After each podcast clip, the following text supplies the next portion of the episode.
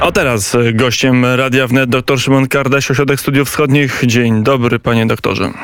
Dzień dobry panie redaktorze, dzień dobry państwu. Mm, e, jak, czy pan doktor był zdziwiony tym, że jest porozumienie i jest szósty pakiet sankcji, czy był pan przekonany, że dojdzie do porozumienia na szczycie Rady Europejskiej? E, no i tak i nie, dlatego że w momencie, kiedy Komisja Europejska zgłosiła propozycję tego szóstego pakietu sankcji, a przypomnijmy, że nastąpiło to 4 maja, e, no to w wydawało się, że w którymś momencie ten kolejny pakiet sankcji zostanie jednak przyjęty. Natomiast e, zaskoczenie o tyle, że oczywiście tych rund było już kilka i tak naprawdę mm, no przed każdą kolejną trudno było prognozować, czy to będzie ta, na, na której ostatecznie to porozumienie zostanie E, osiągnięte, więc, e, więc po tych wielu tygodniach w końcu się tego doczekaliśmy i, i no, miałem, miałem, takie wrażenie, że w którymś momencie to nastąpi, natomiast no, bardzo trudno było określić ten, ten, ten moment, kiedy faktycznie e, przełamany zostanie ten swego rodzaju impas. Został przełamany. Pytanie, czy to, co się udało przełamać, to jest, hmm, to jest sukces, czy to jest zgniły kompromis? E, no, e, e, mam takie poczucie, że to jest generalnie dobra wiadomość. To znaczy, jeśli dzisiaj rozmawiamy o tym, że państwa członkowskie Unii Europejskiej zdecydowały się na to, by wprowadzać stopniowe, częściowe, ale jednak embargo na E, import rosyjskiej ropy, e, no to jest coś, co nam się jeszcze trzy, nie wiem, trzy miesiące temu, tak, jeszcze, jeszcze przed w ogóle e, tą inwazją rosyjską na Ukrainę wydawało czymś nieprawdopodobnym. Mówiło się dużo o konieczności zmniejszania zależności od dostaw surowców energetycznych z Rosji z różnych powodów, i ropy, i gazu, i też produktów naftowych, no ale, ale wydawało się, że jesteśmy bardzo daleko od jakichś radykalnych decyzji w tym zakresie. Natomiast teraz rozmawiamy o tym, że w ciągu sześciu miesięcy mamy doprowadzić do e, ograniczenia importu rosyjskiej ropy o e, w, e, no, albo o dwie trzecie, a może nawet w takim najbardziej optymistycznym wariancie o 90% w stosunku do tego, co, co, co było przed wojną. W związku z tym to jest generalnie dobra wiadomość. Natomiast, no, żeby to zderzyć też z takimi no, twardymi realiami. Oczywiście bardzo wiele będzie zależało od tego, jakie ostatecznie rozwiązania rozwiązania takie szczegółowe znajdą się w dokumentach, które zostaną przyjęte przez Radę Unii Europejskiej i to pewnie poznamy, mm, treść tych, tych szczegółowych e, postanowień poznamy pewnie w horyzoncie najbliższych e, dni, bo jest na razie polityczne porozumienie w sprawie tych sankcji naftowych, ale e, tutaj jakby kluczowe będą te szczegółowe postanowienia, które jeszcze mają być gdzieś dopracowywane. No i druga rzecz, mam wrażenie, że jeszcze ważniejsza, to znaczy jak się będą zachowywać poszczególne państwa członkowskie Unii Europejskiej w kontekście wdrażania tego e, embarga na import ropy i produktów naftowych, bo o tych produktach naftowych też nie należy zapominać, bo to też bardzo ważna jest e, e, pozycja i w imporcie unijnym, ale też, co ważniejsze dla samej Rosji, w eksporcie rosyjskim. Ile Rosja może stracić? Ile Rosja może stracić? No właśnie skala tej straty będzie zależała od tego, e, w, po pierwsze, od tego, jak ukształtowane zostaną te szczegółowe postanowienia. To, co wiemy na razie i to, co możemy jakby z pełnym przekonaniem powiedzieć, to to, że spod tego embarga zostały wyłączone dostawy ropociągiem Drużba. No, może e, jakby dla zobrazowania dla naszych słuchaczy e, wyjaśnimy, że rosyjska ropa trafia na rynek unijny dwoma drogami zasadniczo. To znaczy albo przez porty, to są dwa porty na Bałtyku, Primorski Ustługa i jeden port nad Morzem e, Czarnym e, w Noworosyjsku oraz po drugie e, drogą rurociągową z, przy pomocy rurociągu, który się nazywa Przyjaźń, nomen omen. I teraz z tego embarga na razie zostało wyłącz, został wyłączony eksport rosyjski właśnie, który jest realizowany za pomocą e, ropociągu Drużba, a na to przypada mniej więcej około jednej trzeciej eksportu rosyjskiej ropy na e, rynek e, unijny. I ta drużba to są dwie nitki. Północna, która zaopatruje Polskę i Niemcy, i południowa, która zaopatruje Słowację, Czechy i, i Węgry. I teraz biorąc pod uwagę, że i Polska, i Niemcy zapowiedziały, że niezależnie od tego embarga, jakby do końca roku zrezygnują z importu rosyjskiej ropy, no to tak naprawdę to wyłączenie będzie miało znaczenie dla Węgier, Słowacji i Czech. I to, co jest tutaj pewną taką e, no, niejasnością na razie z tych zapowiedzi wynikających po szczycie, to jest to, że em, e, to wyłączenie, ono nie ma na razie horyzontu czasowego. Nie wiadomo, jak długo ono e, potrwa. Znaczy jest taka zapowiedź tylko, że Rada będzie próbowała wrócić do tematu też jakby wyłączenia tego eksportu na drużbie najszybciej, jak to będzie możliwe. No ale jeśli taki, y, y, takie postanowienie się ostatecznie utrzyma w dokumentach prawnych, które zostaną przyjęte, no to, to generalnie nie jest jasne, kiedy do takiego całkowitego e, tutaj wyłączenia tego rosyjskiego e, eksportu dojdzie ze względu właśnie na tą południową nitkę drużby, która zaopatruje e, trzy nasze kraje sąsiednie.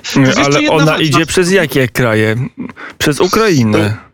Ona idzie, owszem, ta południowa nitka tak, przechodzi przez Ukrainę. Mhm. A to nie jest tak, że Kijów jak się zirytuje, to może ten kurek zakręcić, albo może dojść do awarii tego ropociągu, który powstrzyma transport ropy. Nie jest tak, że tutaj jakieś e, te, tego typu chwyty są możliwe? No, panie redaktorze, e, oczywiście e, e, żyjemy w takich czasach, gdzie nie, nie należy wykluczać żadnych takich ewentualności czy, czy, czy wypadków, które mogą mieć miejsce również jeśli idzie o infrastrukturę krytyczną.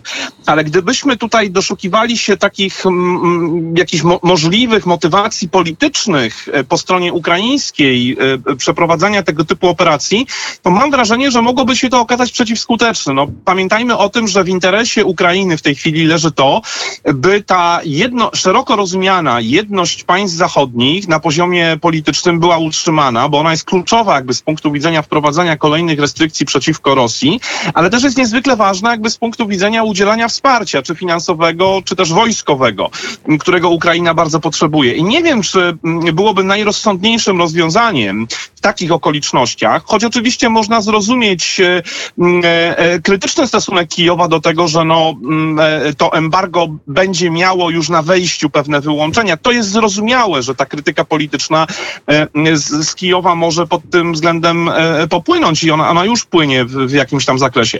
Ale, ale nie wiem, czy właśnie przeprowadzenie tego typu akcji no, nie, byłoby docelowo przeciwskuteczne, bo mogłoby antagonizować te kraje, których głos jednak jest ważny z punktu widzenia osiągania jednomyślności na poziomie Unii Europejskiej, kiedy m, zapadają decyzje w innych sprawach, no ważnych dla, e, dla Ukrainy. E, To jeszcze pytanie o korzyści, jakie będą płynęły dla e, tych krajów, które b- będą e, dalej korzystać z ropy rosyjskiej. E, Mówi się o Węgry, Słowacja, też o Czechach się podobno mówi, nie wiem to prawda. E, Na ile to będzie możliwość odsprzedawania, że Węgry będą e, brały ropę rosyjską ropociągiem Drużba i potem będą ją odsprzedawać e, dalej po odpowiednio niższych cenach, ale jednak wyższych niż te dawane przez Rosję i tym samym e, Budapeszt będzie zarabiał.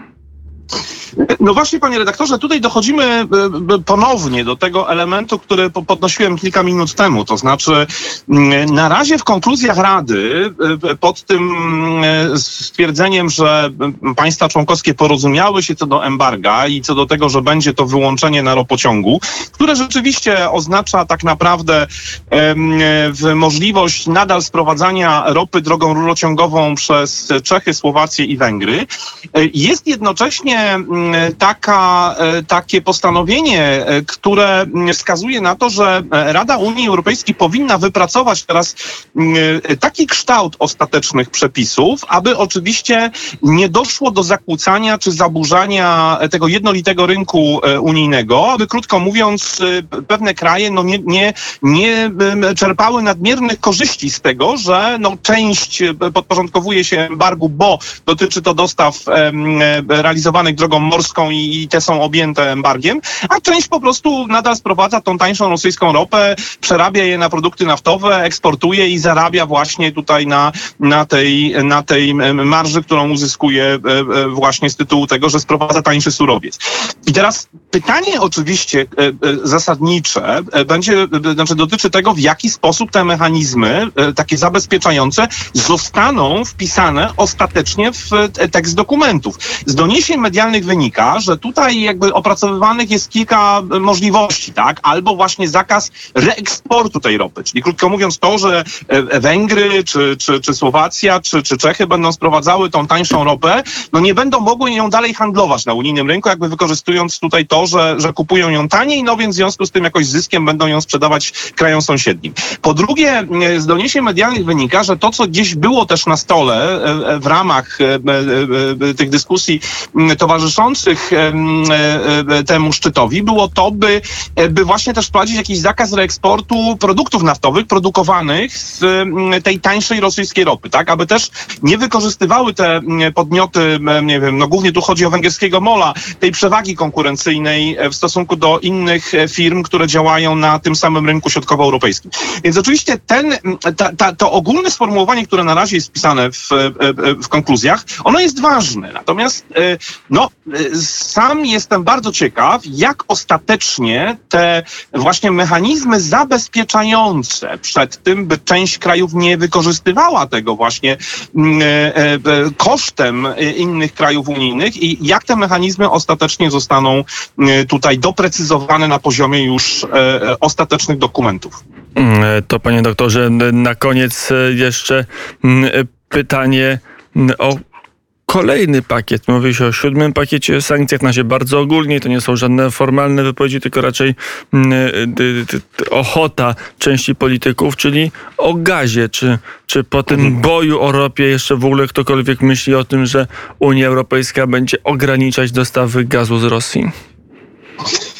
E, obawiam się, że tu będzie e, bardzo poważny problem, dlatego że mm, jeśli, jeśli mówimy o możliwości objęcia sektora gazowego sankcjami, po pierwsze, e, sankcje nigdy, znaczy kiedy dyskutowano o sankcjach, nigdy nie rozmawiano o tym w kontekście gazu. Część krajów jakby od razu skreślała ten, ten, ten punkt gazowy z jakichkolwiek dyskusji, nawet wstępnych, jeśli idzie o, o, o pomysły w, co do sektorów, jakie, jakie można uderzać. Tak? jeśli idzie o, o mechanizmy sankcyjne e, przyjmowane e, e, wobec Rosji. Po drugie, to, co mam wrażenie jest z jednej strony ważne, ale z drugiej strony też rodzi pytania właśnie o, o implementację. To są te bardzo ambitne plany, które nakreśliła Komisja Europejska jeszcze w marcu tego roku. One uległy konkretyzacji całkiem niedawno, kiedy przedstawiono już taki bardziej szczegółowy plan nazwany Repower EU, tak, czyli taki pomysł właśnie jak szybko dojść do takiego stanu, w którym się całkowicie pozbywamy surowców energetycznych z Rosji i ropy i gazu. I tu oczywiście mm, myślę, że to jest taki, taki instrument, który komisja trochę zaproponowała, mam wrażenie, jakby zamiast tego mechanizmu sankcyjnego. To znaczy, żeby w horyzoncie najbliższych kilku lat podjąć, czy, czy, czy skłonić państwa członkowskie do podjęcia e, takich działań, które realnie doprowadzą do sytuacji, gdzie w, nie wiem, pod koniec e, bieżącej dekady, chociaż tu się mówi też o roku 2027, e, więc to jest dość ambitny taki plan, aby się całkowicie pozbyć tych e, rosyjskich surowców z rynku europejskiego i w szczególności gazu, no bo z ropą, jak wiemy, że ten plan jest bardziej ambitny. Natomiast zawsze, ja zawsze zadaję sobie takie pytanie o, o, o implementację, dlatego że w przypadku gazu mamy do czynienia rzeczywiście z bardzo dużym poziomem zależności części państw członkowskich Unii Europejskiej od dostaw gazu z Rosji. Mamy do czynienia z sytuacją, w której niektóre kraje, czy firmy właśnie z niektórych krajów są związane długoterminowymi kontraktami na dostawę gazu, na przykład Niemcy, Austriacy, Francuzi. Pytanie, czy będą mieli ochotę ponosić koszty zrywania tych umów, które sięgają lat 30. albo i dłużej.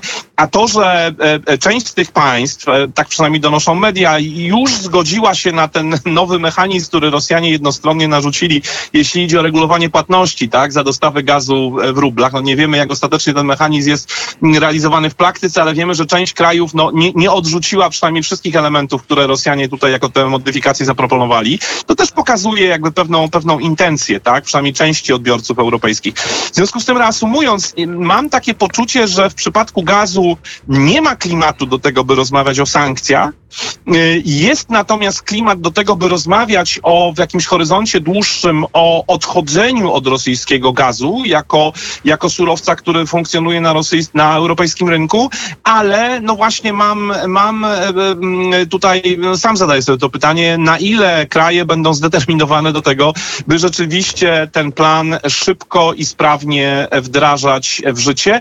I jeszcze na koniec powiem o jednej rzeczy, którą myślę, że też warto w całej tej kalkulacji uwzględniać. To znaczy, rozmawiamy w tej chwili w takim bardzo szczególnym momencie. Trwa wojna, e, Rosjanie cały czas prowadzą intensywne działania zbrojne na Ukrainie. To jest w pewnym sensie no, dobry klimat tak, do tego, by podejmować radykalne decyzje, jeśli idzie o ograniczanie współpracy energetycznej z Rosją. Pytanie, czy sytuacja się nie zmieni za kilka miesięcy, kiedy na przykład Rosjanie, kiedy ten konflikt ulegnie zamrożeniu, albo w ogóle kiedy działania zbrojne ustaną, tak? Czy nadal e, państwa europejskie, wszystkie, będą tak zdeterminowane do tego, by rzeczywiście pozostać na tej ścieżce e, zrywania współpracy energetycznej z Rosją, e, jak deklarują to obecnie? To pytanie pozostawiam otwartym, bo historia uczy, że no, czasami zapominamy, tak? Łatwo zapominamy i pytanie, I czy za łatwo kilka miesięcy Wracamy do prostych interesów. Dr Szymon Kardaś był gościem Radia Wnet. Dziękuję bardzo za rozmowę i do usłyszenia. Dziękuję bardzo, panie redaktorze, dziękuję państwu.